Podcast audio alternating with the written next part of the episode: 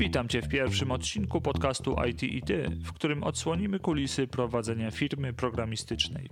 Notatkę, transkrypcję oraz wszystkie linki z dzisiejszej rozmowy znajdziesz na stronie itity.pl łamane przez jeden. Zachęcam Cię do podzielenia się opinią odnośnie tego podcastu poprzez wystawienie oceny lub recenzji w aplikacji, której używasz do słuchania.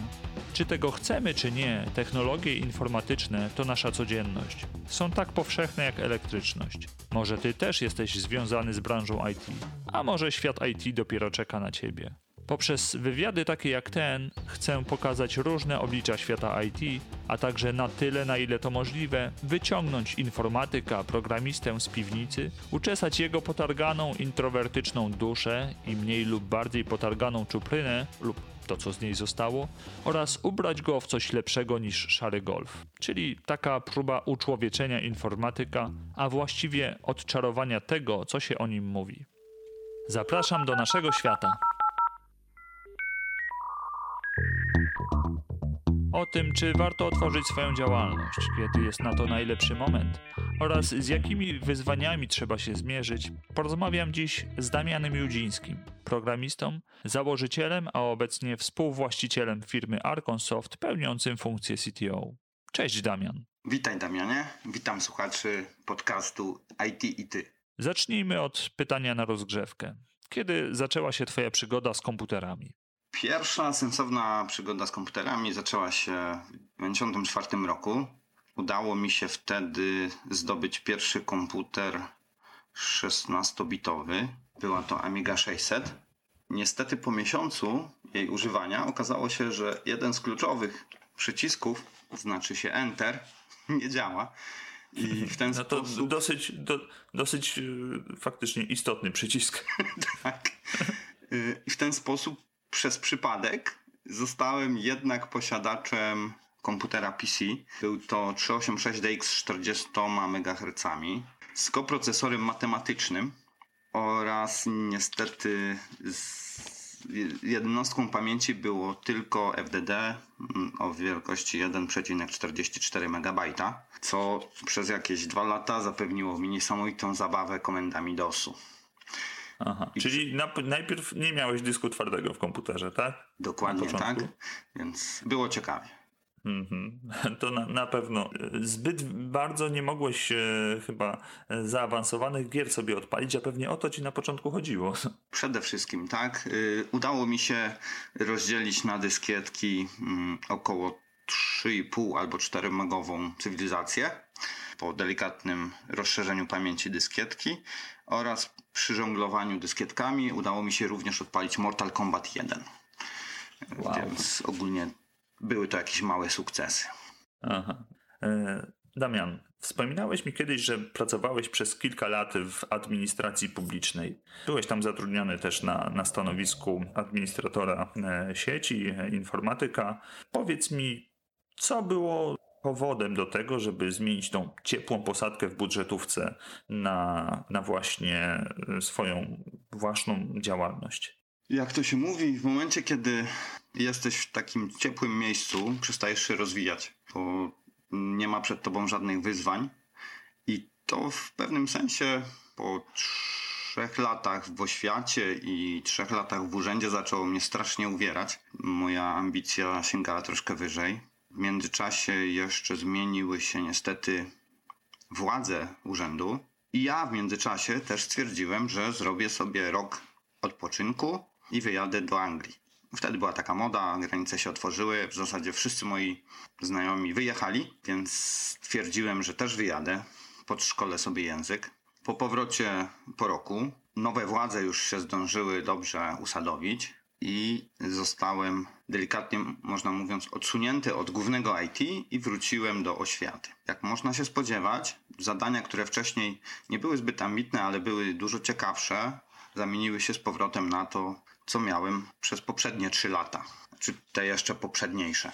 A człowiek, mhm. tym bardziej, który pracuje w IT, wie, że cofanie jest no, równe śmierci zawodowej. Więc tutaj zapadła moja decyzja, że no, trzeba iść dalej. Mhm. No tak, no bo w zasadzie w tą, to życie e, informatyka, programisty, no wpisany jest ten ciągły rozwój jednak. Dokładnie tak. Nie, to nie jest zawód, w którym ugruntujesz sobie wiedzę i do końca kariery na tym pojedziesz.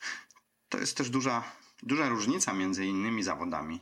I to bardzo często, jak spotykam obecnie informatyków, powoduje, że oni się jednak naprowadzają na inną drogę, zupełnie inną drogę, bo jednak się okazuje, że oni nie chcą się cały czas uczyć. Każdy człowiek ma troszkę inny charakter, wiadomo. Więc y, jedni lubią. Ja na przykład nie wyobrażam sobie robić tego samego przez nie wiem, rok, dwa, trzy. Lubię jak właśnie pracuję w coraz co innych technologiach z innymi projektami. Natomiast niektórych to strasznie no, stresuje, denerwuje. Czyli no, powiedzmy tą, tą chęcią zrobienia czegoś, jakiegoś działania, podjęcia była, była chęć dalszego rozwoju i po prostu nie, nie stania w miejscu, tak? Tak, jeszcze jest no, drugi ważny powód. Ten, który w zasadzie widać na zewnątrz, czyli takie strasznie betonowe struktury. I masę młodych ludzi, którzy chcą tam działać, są blokowani, jak nawet nie przez starszych y, kolegów urzędników, to przez to, że w Polsce u nas panuje takie przeświadczenie, że jak nie ma napisane w ustawie jasno, że trzeba, to nie wolno. I to bardzo, bardzo blokuje i wypala co, co bardziej ambitnych urzędników. No tak, to jest takie zderzenie się z, ze ścianą w pewnym momencie. Dokładnie. No także, także to był drugi powód. Nie wiem, który był taki bardziej. Znaczy, oba były decydujące, tak. tak. Mhm. Okej. Okay. Dobrze. Powiedz mi, co było impulsem do podjęcia decyzji o otwarciu firmy programistycznej? Czy nie miałeś pokusy, żeby, nie wiem, pozostać na freelancie na przykład? Ogólnie można powiedzieć, że zmusiła mnie do tego przede wszystkim sytuacja finansowa, żeby odejść z pracy na etacie. To najpierw było gdzieś tam po drodze i przejść na wolny zawód. I wtedy miałem ten wybór, tak? albo freelance, albo założenie firmy. Nigdy moim celem jakby nie było zarabianie. Zawsze uwielbiałem łączyć ludzi w wspólną ideę. I jak tylko pomyślałem, że założę firmę, to od razu znalazłem czterech pracowników. Niekoniecznie pracowników, to byli moi koledzy przede wszystkim, a przy okazji pracownicy. To oczywiście później też miało swoje konsekwencje, bo z kolegami, z kolegów bardzo ciężko robi się pracowników i odwrotnie. Więc po jakimś czasie po prostu pewne idee już niestety musiały przejść i team się wyklarował. Kto miał być pracownikiem, został, a kto miał być kolegą, no został kolegą. Nie było jakiejś tam całe szczęście niesnasek po drodze. Tylko mm -hmm. wszyscy zobaczyli, jak to wygląda od środka i kto miał iść swoją drogą, poszedł nią, a kto, kto miał dalej być na tym okręcie, to, to został na tym okręcie. Takie naturalne dotarcie nastąpiło. Tak, tak, tak dokładnie. Y, miało jeszcze takie pewne istotne życiowe kwestie. Wpływ na to, że stwierdziłem, że idę na swoje, zakładam działalność. Przede wszystkim moim głównym motywatorem to był jeszcze nienarodzony trzeci, trzeci żółw ninja. Trzeci, trzeci synek. I to, że jak sobie patrzyłem na swój budżet, to mi się nie spinało. Dodatkowo zawsze, jak obserwowałem kolegów, którzy mieli gdzieś tam ojców, biznesmenów, oni mieli zupełnie inne spojrzenie na życie niż ja, a tamto spojrzenie było dla mnie dużo bardziej takie realne.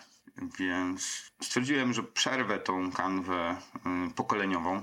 Moi rodzice obydwoje pracowali gdzieś całe życie, praktycznie w jednym zakładzie pracy więc dla nich złapanie pracy było podstawowym, podstawową rzeczą w życiu. Być może to były inne czasy, wiadomo, ale teraz, gdy żyjemy w wolnej Polsce, myślenie o własnej działalności wydaje mi się dużo bardziej takie realniejsze. Mimo, że oczywiście nie jest to usłane różami przez to, że nasz ustrój mm, i nasze przepisy prawa gospodarczego jakby bardziej jeszcze sięgają tamtych poprzednich czasów, mimo że są wygładzane, to, to od ustawy Wilczka, która wprowadziła swobodę nieznaną nigdy wcześniej, doszło tysiące przepisów utrudniających działalność. o dziwo, dużym jeszcze, bardzo dużym, bardzo duże znaczenie miało wypowiedzenie się mojego ostatniego pracodawcy yy, do mnie zaraz po rozmowie kwalifika- kwalifikacyjnej dotyczącej właśnie zawodu informatyka. I po jednej z takich rozmów mój szef stwierdził, że jeżeli założę firmę, to będę bogatym człowiekiem. No to jak mój ostatni pracodawca tak stwierdził, to nie, nie mogłem go zawieść. To znaczy założyłem firmę, no tak. bogactwa jeszcze nie widzę, ale ogólnie nie wiedział co mówi do końca. Okej, okay. E, ale tak, założyłeś firmę, ale to y, równolegle do, do, do, firmy właśnie działającej w obszarze IT założyłeś również sklep internetowy z kartami kolekcjonerskimi i drukarnię 3D. E, czyli poszedłeś szeroko, tak? Nie, nie, ograniczyłeś się do, e, do, do jednego, e, że tak powiem, do jednej gałęzi działania. Czy powiedz, czy doświadczenia z prowadzenia tych równoległych działalności przydały czy ci się w tej firmie programistycznej, czy, czy, czy, czy coś tutaj jednak za dużo wziąłeś na siebie w, w tym pierwszym momencie? Tak. Ogólnie odpowiedź brzmi tak. Przede wszystkim miałem dużo porad odnoszących się do tego, żeby skupić się na jednym. Głównie ze źródeł, z jakichś książek, z jakichś yy, audiobooków. Niemniej jednak możliwość tworzenia zadziałała u mnie po prostu tak, że niestety te porady gdzieś poszły na plan dalszy i stwierdziłem, że zakładam wszystko, co tylko mogę, yy, co tylko chcę. Jednym słowem, były to moje marzenia. ja je wszystkie naraz chciałem spełnić. E, jeżeli chodzi o kwestię doświadczenia, tak kończąc, tak mniej więcej po roku do dwóch, znaczy po roku skończyła się drukarnia 3D. Tam głównym błędem e, było to, że wszystko postawiłem wspólnie z kolegą, z którym wspólnie tą drukarnię chcieliśmy tworzyć, na jednego człowieka, który się znał na 3D, jak również później na 3D mhm. i drukarce. I to był ten błąd, bo jest taka główna zasada, że nie rób biznesu, na którym się nie znasz. Więc jak po roku, około po roku ten człowiek stwierdził, że odchodzi, jednocześnie skończył się projekt drukarniczy. Faktycznie to, to dosyć istotny problem mogliście mieć z kontynuowaniem tego, skoro e, jedyna osoba znająca branżę. tak, tak. Ciężko było zna znaleźć zastępcę ze względu na y, po pierwsze lokalizację, czyli, czyli dosyć niewielkie miasto, y, a druga rzecz po prostu nie była to jeszcze firma na tyle działająca, żeby była w stanie zapewnić wysokie mm, dochody. Na mhm. tamten moment przydałby się przede wszystkim sprzedawca i osobno specjalista. Więc jakby próg inwestycji musiał być znacznie większy. No ale mhm. to tak powiedzmy, tak się, tak jak podeszliśmy do tego, czyli tak trochę zabawowo, bo mniej więcej taki był wkład, tam kilka tysięcy złotych, to, to mniej więcej tak się pobawiliśmy, można powiedzieć, biznes w tym zakresie. Ze sklepem było troszkę inaczej. Okay. Tutaj po dwóch latach musiałem wybrać, bo zarówno sklep, jak i usługi IT przynosiły mniej więcej podobne dochody, a kończył się czas, dob doba się kończyła. Więc musiałem wybrać, czy ja chcę robić usługi IT, czy ja chcę sprzedawać karty kolekcjonerskie. No i tam różne gadżety związane z tym. I wybrałem IT. Jeżeli chodzi o doświadczenie, to każde doświadczenie, negatywne czy pozytywne, czy to jest jakieś doświadczenie drobne, czy jakieś wielkie, determinuje drogę, którą wybiera się dalej. Więc ono jest ważne i powoduje, że później człowiek wykonuje mądrzejsze decyzje. Przynajmniej tak z założenia powinno być. Oczywiście zda zdarza się czasem powtarzanie mm, jakichś błędów z przeszłości, natomiast skala popełnienia tych błędów na pewno nie jest tak duża, ponieważ zauważa się, że one występują tak szybciej. Mhm. Okej, okay. łatwiej jest je wtedy zdiagnozować na pewno. I jeszcze, jeszcze właśnie w tej początkowej Widzi się symptomy. Y, finalizując, y, mhm. doświadczenie, y, które zdobyłem przy sklepach, okazało się bezcenne w obecnym obszarze działania firmy IT, ponieważ przede wszystkim realizujemy sklepy i wygrywamy tą walkę Aha. na poziomie z konkurencją na, w kwestii doświadczenia jakby.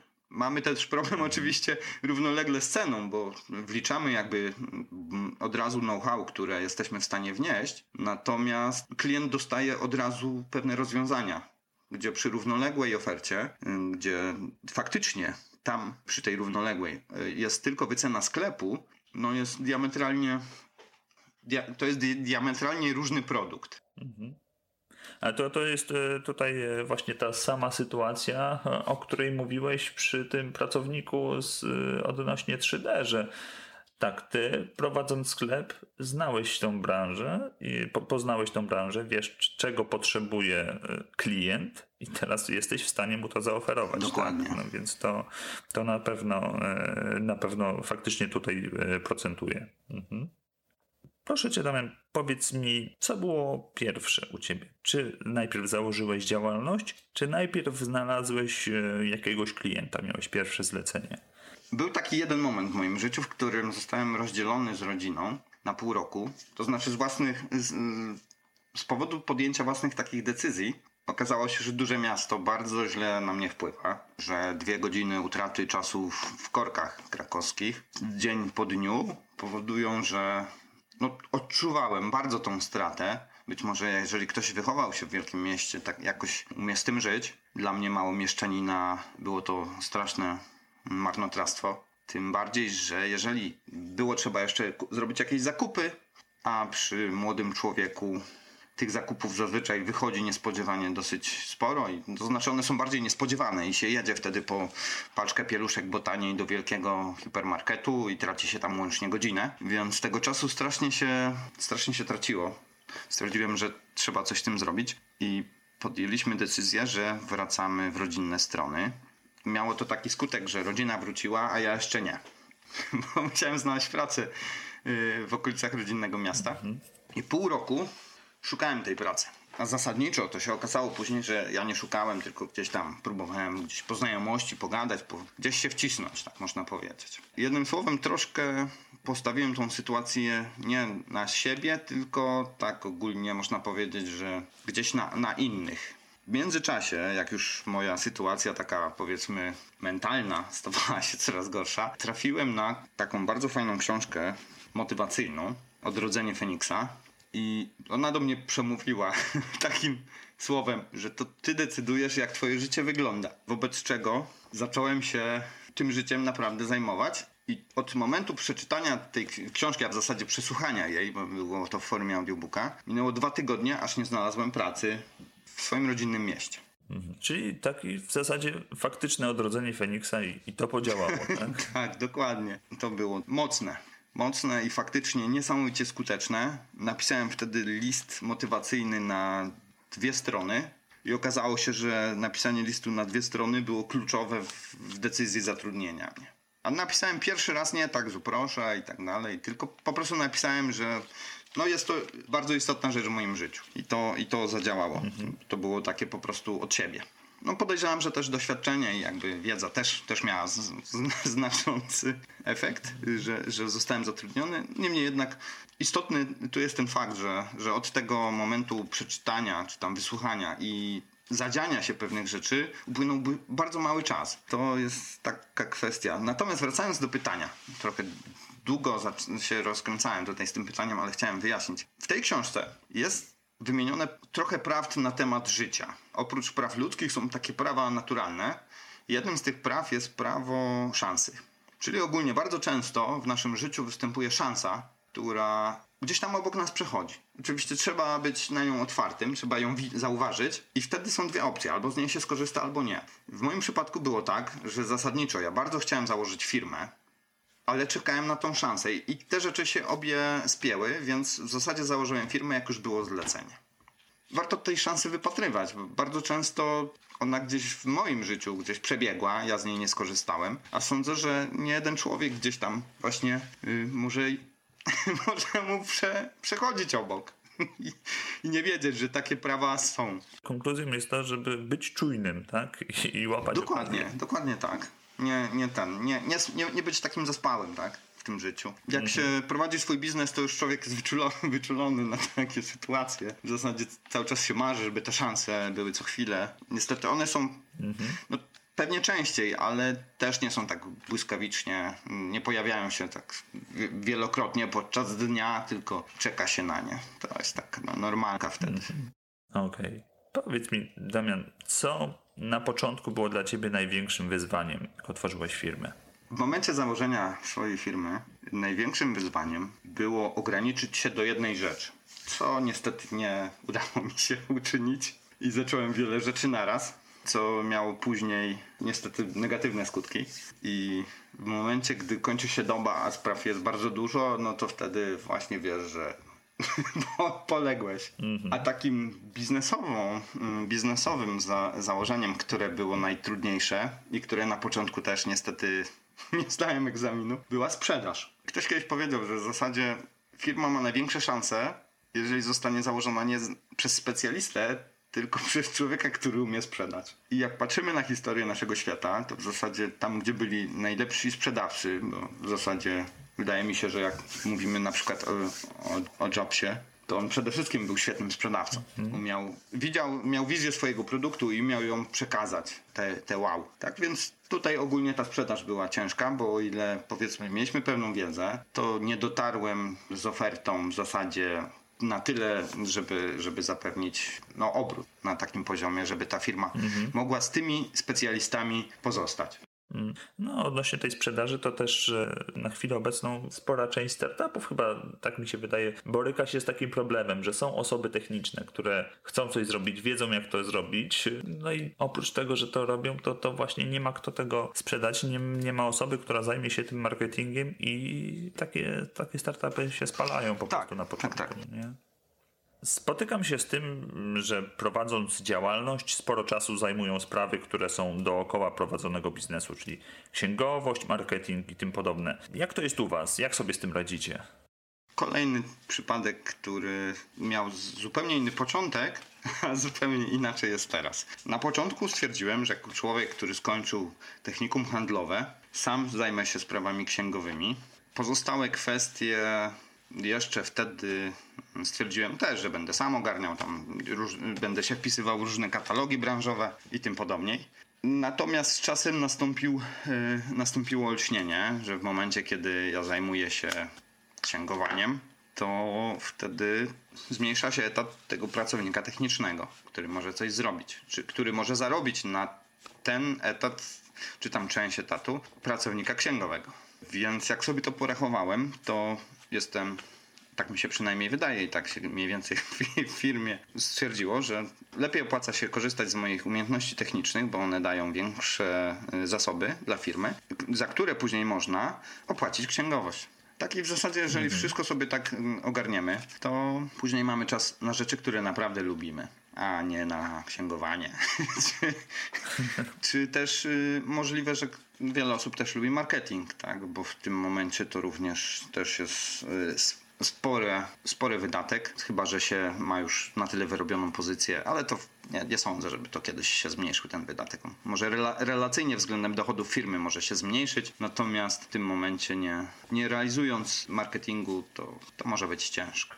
Firma praktycznie nie istnieje, tak? Tak. Bo, bo nie ma jej na rynku. Mhm. Tak i jednak ta sprzedaż jest na dużo lepszym poziomie niż jak działają same powiedzmy polecenia, tak? Bo, mhm. bo to jest tam jeden kanał sprzedażowy, który powiedzmy działa. Jeżeli realizujesz usługi w sposób godny z twoim sumieniem, natomiast on zapewnia powiedzmy klientów, ale nie na tyle klientów, żebyś mógł zdecydować, że któryś klient jest dla ciebie, no bardziej ci odpowiada. Już nawet nie chodzi o kwestię tego mm -hmm.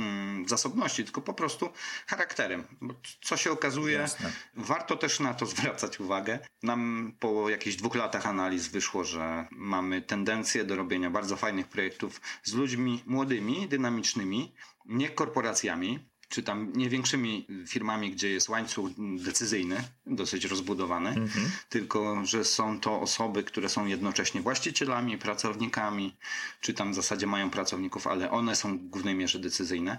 I bardzo często właśnie osoby dynamiczne i bardzo często osoby, które już mają usługi IT, już mają zrealizowany sklep, czy yy, sklep, czy stronę internetową, czy jakąś aplikację. Natomiast w tym momencie już mają tą wiedzę, że oni chcą, żeby coś. Mhm. Czyli wiedzą, czego chcą, tak? Dokładnie, dokładnie tak. Macie trzy oddziały w Kielcach, w Staszowie i w Warszawie. Czy te rynki różnią się jakoś od siebie? W zasadzie pytanie jest tendencyjne, Damianie. Ogólnie tak. To są, to są rynki, które, które dzieli przepaść. I to nie chodzi o finansową, która na pewno też jest i jest bardzo odczuwalna, ale mentalną w dużej mierze. Powiedzmy, że Kielce są takim mm, pośrodkowym miejscem, a tym bardziej nie chciałbym ich oceniać ze względu na to, że jesteśmy tutaj dosyć krótko, bo w zasadzie, ja wiem, pół roku i jeszcze nie zaczęliśmy takiej, w zasadzie to się tak szykujemy bardziej. Analizujemy, jak, jak wejść na ten rynek. Natomiast jest Staszów i w zasadzie podzieliłbym to i reszta Polski.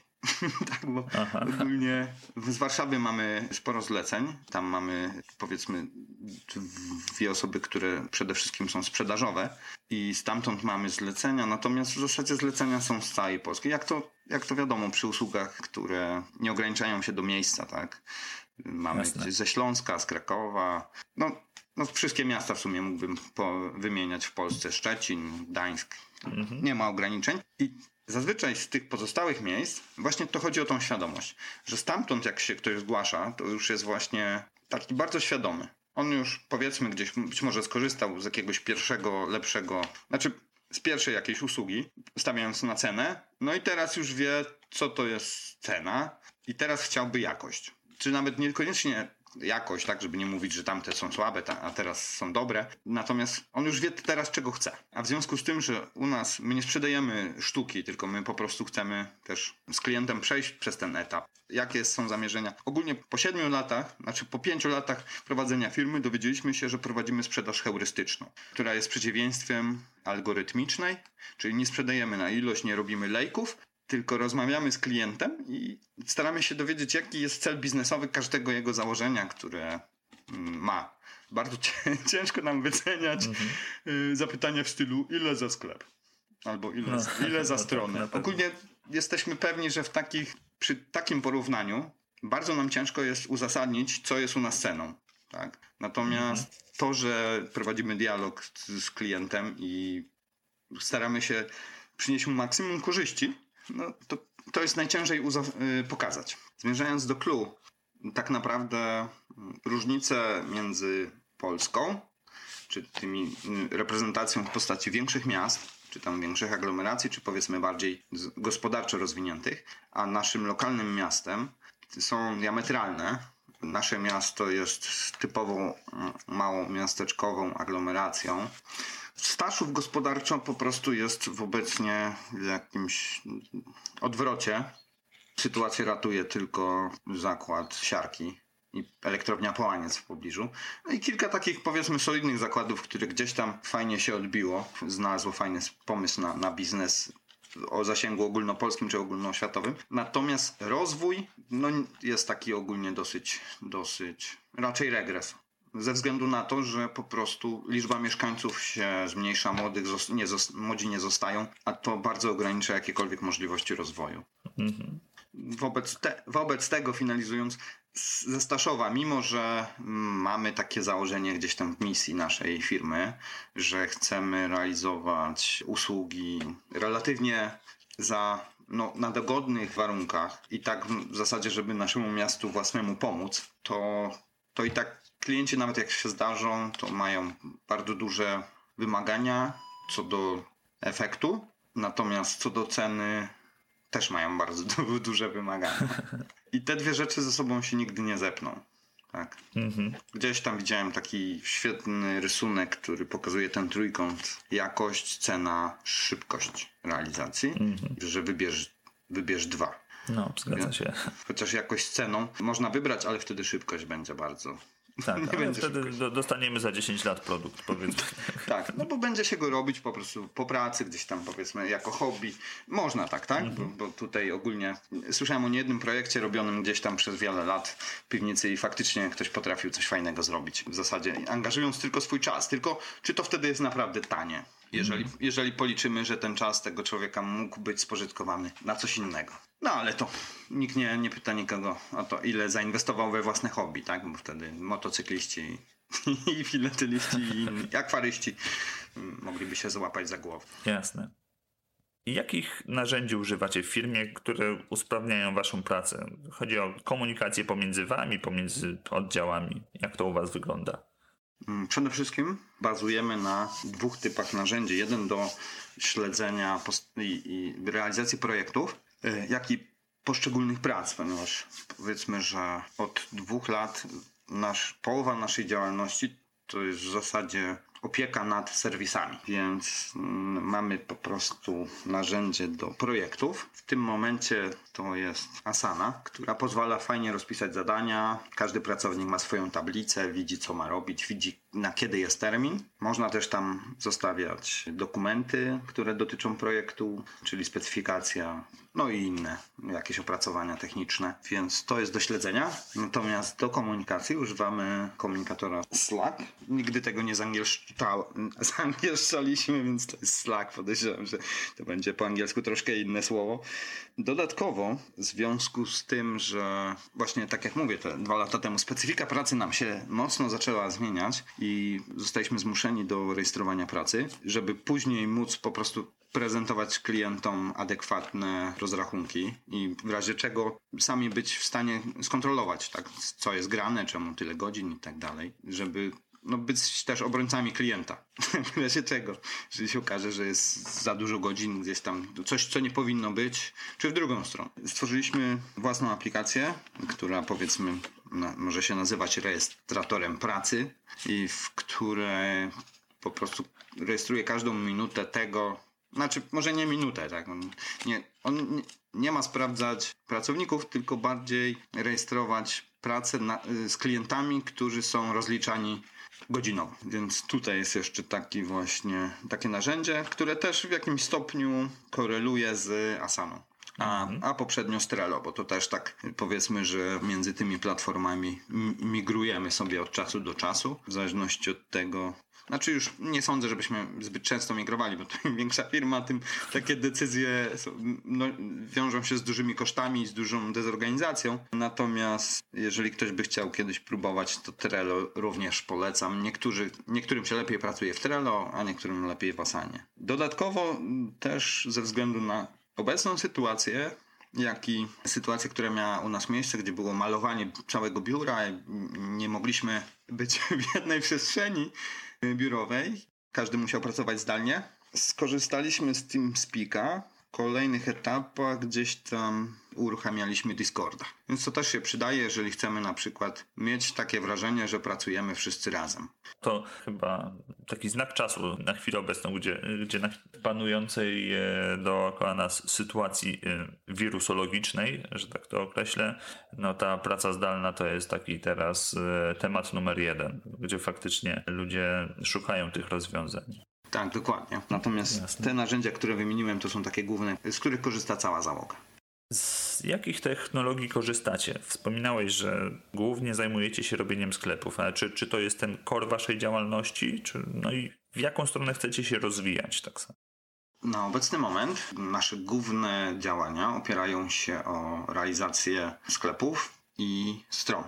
Natomiast tak naprawdę to w obrębie tych dwóch rzeczy działamy na sztywno określonych w zasadzie platformach, ponieważ w zakresie stron o ile to nie jest one page, czyli jedna strona, która ma tam dosyć sporo rozwinięć w dół i nie będzie zbyt często edytowana, korzystamy z obecnie najsłynniejszego w zasadzie systemu CMS darmowego, czyli WordPress. Natomiast w zakresie sklepów to jest albo rozwinięcie tego WordPressa, czyli systemu commerce, albo PrestaShop. Są to darmowe skrypty, które dają niesamowite przyspieszenie osiągnięcia efektu jakby realizacyjnego. Mają oczywiście swoje, swoje wady takie, że mają pewne narzuty już w rozwiązaniach, więc pewne rzeczy, które by trzeba było rozgrzebywać od początku, żeby je dodać do systemu i są odmienne od tego, co już tam jest założone, będą droższe niż w przypadku systemu dedykowanego czyli takiego sklepu dedykowanego.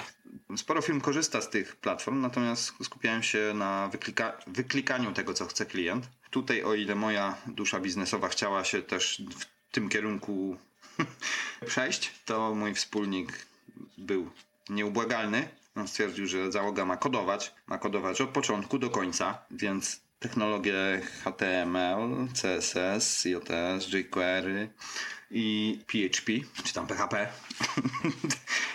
są nieodzownie, codziennie, tak?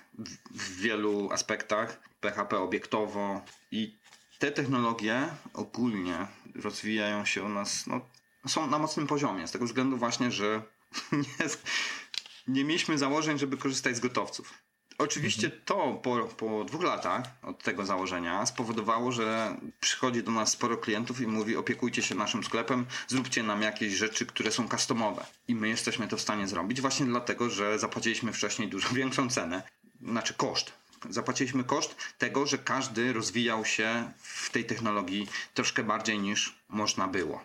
Bo można było kupić, wyklikać i powiedzieć klientowi, że pewnych rzeczy się nie da. U nas takie słowo jeżeli się pojawia, bo może, może się pojawia, nie, nie słyszę go za często, w ogóle go nie słyszałem Aha. nigdy. Więc y, pewne rzeczy mogą się po prostu bardziej nie opłacać niż nie da mhm. się. Rozumiem. To fajnie mieć taki zespół. Dobrze, że, że chyba poszliście tą drogą. No teraz, y, teraz czerpiecie po prostu z tego korzyści, tak? No to, to jest to, co też procentuje. Teraz to jest ta wasza wartość dodana na rynku. Tak, ale tutaj właśnie muszę powiedzieć, że ja byłem przez długi czas jakby w opozycji do tego pomysłu. Widziałem ogólnie, jak biznesowo to słabo wyglądało w pewnym y, etapie i nawet właśnie w tym momencie ciężko nam gdzieś tam konkurować na etapie porównawczym oferty, tak? Bo my kodujemy wszystko, zakładamy, że od razu będzie spora kustomizacja, spore dostosowanie. Nie i mamy się gotowców, więc ceny są jak ktoś idzie do firmy, która robi na gotowcach, to dostaje cenę powiedzmy za sklep średnio 2. 2,5 tysiąca. Mhm. U nas to tak od pięciu się zaczyna. Y, bo my wiemy, co oprócz tego, że zrobimy, nawet jak na tym gotowcu byśmy robili, wiemy, co jeszcze klientowi potrzebne, żeby zacząć tą sprzedaż. Tak sensownie, tak. Mhm. Wiem, co mówię, bo mamy po prostu czasem do czynienia z kimś, kto przychodzi z gotowcem. I właśnie ta droga do sprzedaży to jeszcze nie jest już. Chyba, mhm. chyba, że ktoś, chyba, że ktoś jest sprawny w technologiach internetowych, y, powiedzmy, czuje ten temat techniczny, to on sobie poradzi wyklika sobie wszystko dalej już sam. Nie? Mhm, Okej. Okay. Wracając jeszcze do mm, drukarni 3D, którą miałeś, e, pamiętam, że kiedyś wspominałeś mi o tym, że mieliście projekt związany z e, prototypowaniem online e, i, i robieniem druków do tego. Czy, czy coś z tego wyszło? Opowiedz mi o tym, jak to się rozwinęło. Mm, troszkę już wspominałem, że tutaj problemem e, okazało się, okazał się nagły brak pracownika. Natomiast było to też troszkę powodem, że nie udało nam się pozyskać funduszy z PARP-u, z programu chyba 8.1. O ile zdążyliśmy z wnioskiem, okazało się, że gdzieś w tabelkach finansowych nie było jakiegoś współczynnika utrzymanego, więc projekt po prostu został rozpatrzony negatywnie. Niemniej jednak technologia nie umarła całkiem, ponieważ w obecnym momencie y, mój najstarszy syn drukuje sobie zabawki na drukarce 3D. Już może powiedzmy nie, nie takie jak wcześniej posiadaliśmy w firmie, ale uczy się modelowania 3D w wieku 9 lat i jest w stanie puścić sobie wydruk. To wydaje mi się już coś jest. A przypadkiem po prostu powiedziałem mu, synu, co ty będziesz sobie kupował tą figurkę? Weź sobie kup drukarkę 3D i sobie wydrukuj. No i sobie kupił. Zaczynając dziś, co zrobiłbyś inaczej? Jak byś, jakie masz przemyślenia po tych kilku latach prowadzenia działalności? Jaki y, moment startowy, y, jakbym się miał cofnąć od rozpoczęcia działalności?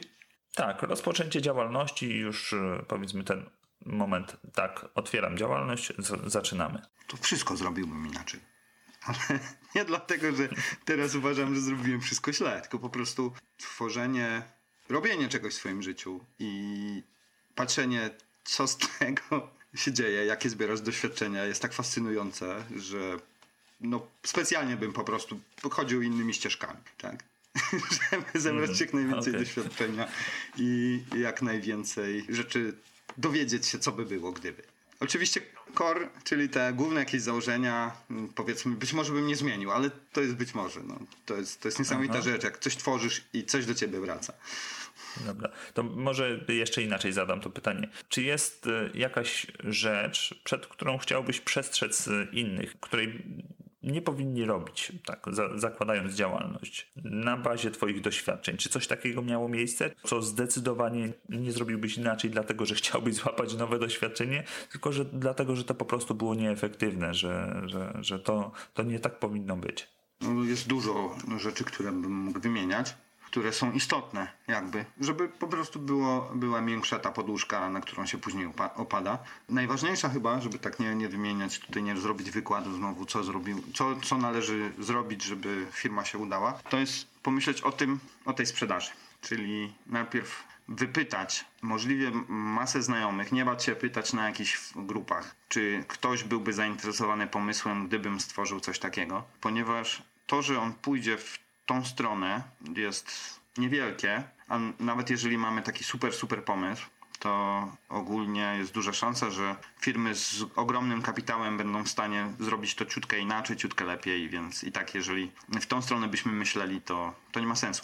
Więc myślimy o najpierw o naprawdę dostosowaniu świetnie swojego projektu, a później o sprzedaży, czyli jak go sprzedamy, i od razu ciśniemy najbardziej w tą sprzedaż. Jeżeli sami nie umiemy sprzedawać, to super, jak drugim członkiem zespołu, startupu, czy po prostu doradcą płatnym, czy na zasadzie jakichś relacji, będzie ktoś, kto zna się dobrze na sprzedaży. To jest chyba klucz. Y, oczywiście też warto mieć, warto prowadzić swój biznes zawsze, ale tutaj zaczynam właśnie ten wykład, więc y, co, co trzeba zrobić, albo co trzeba nie zrobić. To jest klucz w sumie. Sprzedaż. Bo bez tego po prostu, nawet jak mamy świetny, świetny produkt, to, to, nie, to nie zaskoczy. Jasne. No be, bez sprzedaży nie ma biznesu. Jak wyobrażasz sobie siebie za powiedzmy 10 lat?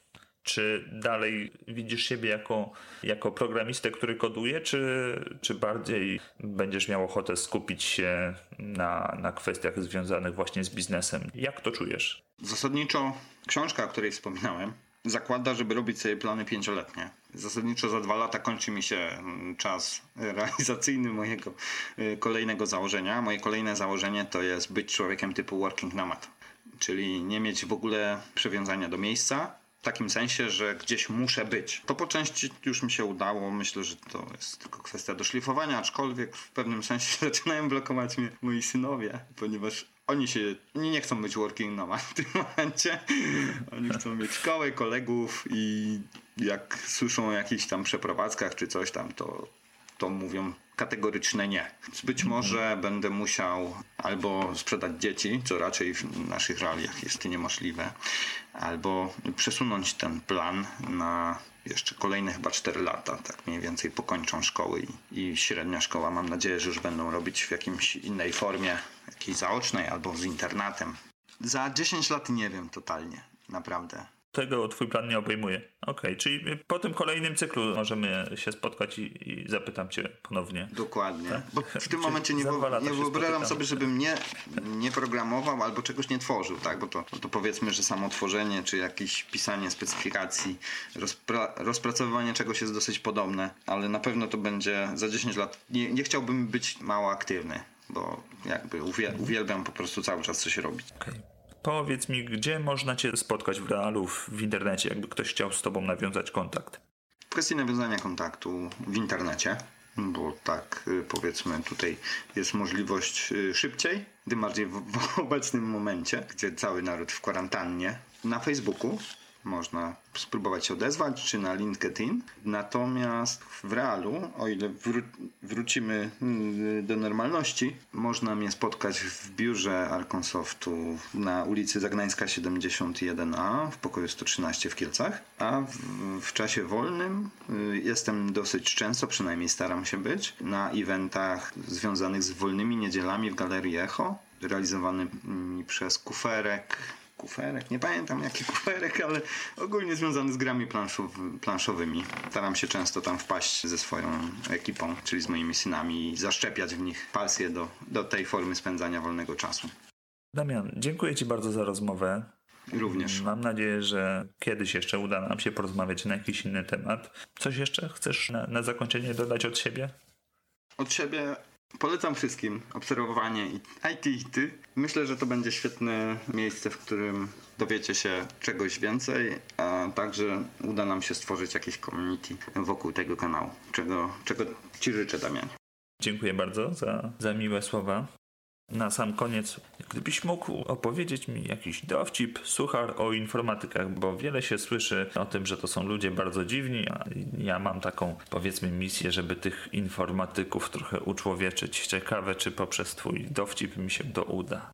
Myślę, że to poczucie humoru będzie zdecydowanie potwierdzać tezę, że nasze poczucie humoru jest różne. Tak zastanawiałem się o czym opowiedzieć i w zasadzie gdzieś coś, co będę byłem w stanie gdzieś tam zapamiętać, coś co mi utkwiło i coś co jest totalnym sucharem, to jest czym różni się początkujący informatyk od zaawansowanego, od doświadczonego informatyka. To jest to, że początkujący informatyk uważa, że 1 megabajt to 1000 kilobajtów, a zaawansowany informatyk uważa, że 1 kilometr to 1024 metry. Okej. Okay. No to, to faktycznie tak. to chyba tak, wiem, nie to, rozwiewa tej. nic nam tutaj nie, nie zmienia w postrzeganiu informatyków. Nic. To wszystko, co dla Ciebie przygotowałem w tym odcinku. Podsumowując, przemyślenia i doświadczenia, którymi podzielił się z nami Damian, nie ograniczają się jedynie do sektora IT, a wyzwania, jakie stoją przed przyszłymi rekinami biznesu, są podobne do tych spotykanych w innych branżach. Warto zatem wypatrywać swojej okazji i jeśli taka się nadarzy, śmiało za nią podążać. Skupienie się na jednej dziedzinie na pewno przyspieszy uzyskanie poziomu eksperckiego, co ułatwi pozyskiwanie nowych klientów. Jeśli nie jesteś entuzjastą śledzenia zmian w przepisach podatkowych, pomyśl o zleceniu tego zadania specjalistom. Zaoszczędzony w ten sposób czas wykorzystaj na zadania, na których się znasz i które z nawiązką pokryją koszty zlecenia na zewnątrz. Niezależnie od branży, w której działasz, narzędzia takie jak Trello z pewnością okażą się pomocne w codziennej pracy. Na zakończenie jeszcze jedno krótkie ogłoszenie z ostatniej chwili. Firma Argonsoft, której przedstawiciela miałem przyjemność gościć w dzisiejszym odcinku, poszukuje webdewelopera na poziomie mid senior do oddziału w Kielcach. Jeśli zatem masz ochotę pracować w tak doborowym towarzystwie, nie zwlekaj, aplikuj. Szczegóły na stronie arkonsoft.pl. Już teraz zapraszam Cię do wysłuchania kolejnego odcinka, który, jeśli wszystko dobrze się ułoży, ukaże się za dwa tygodnie. Do usłyszenia. Pa pa!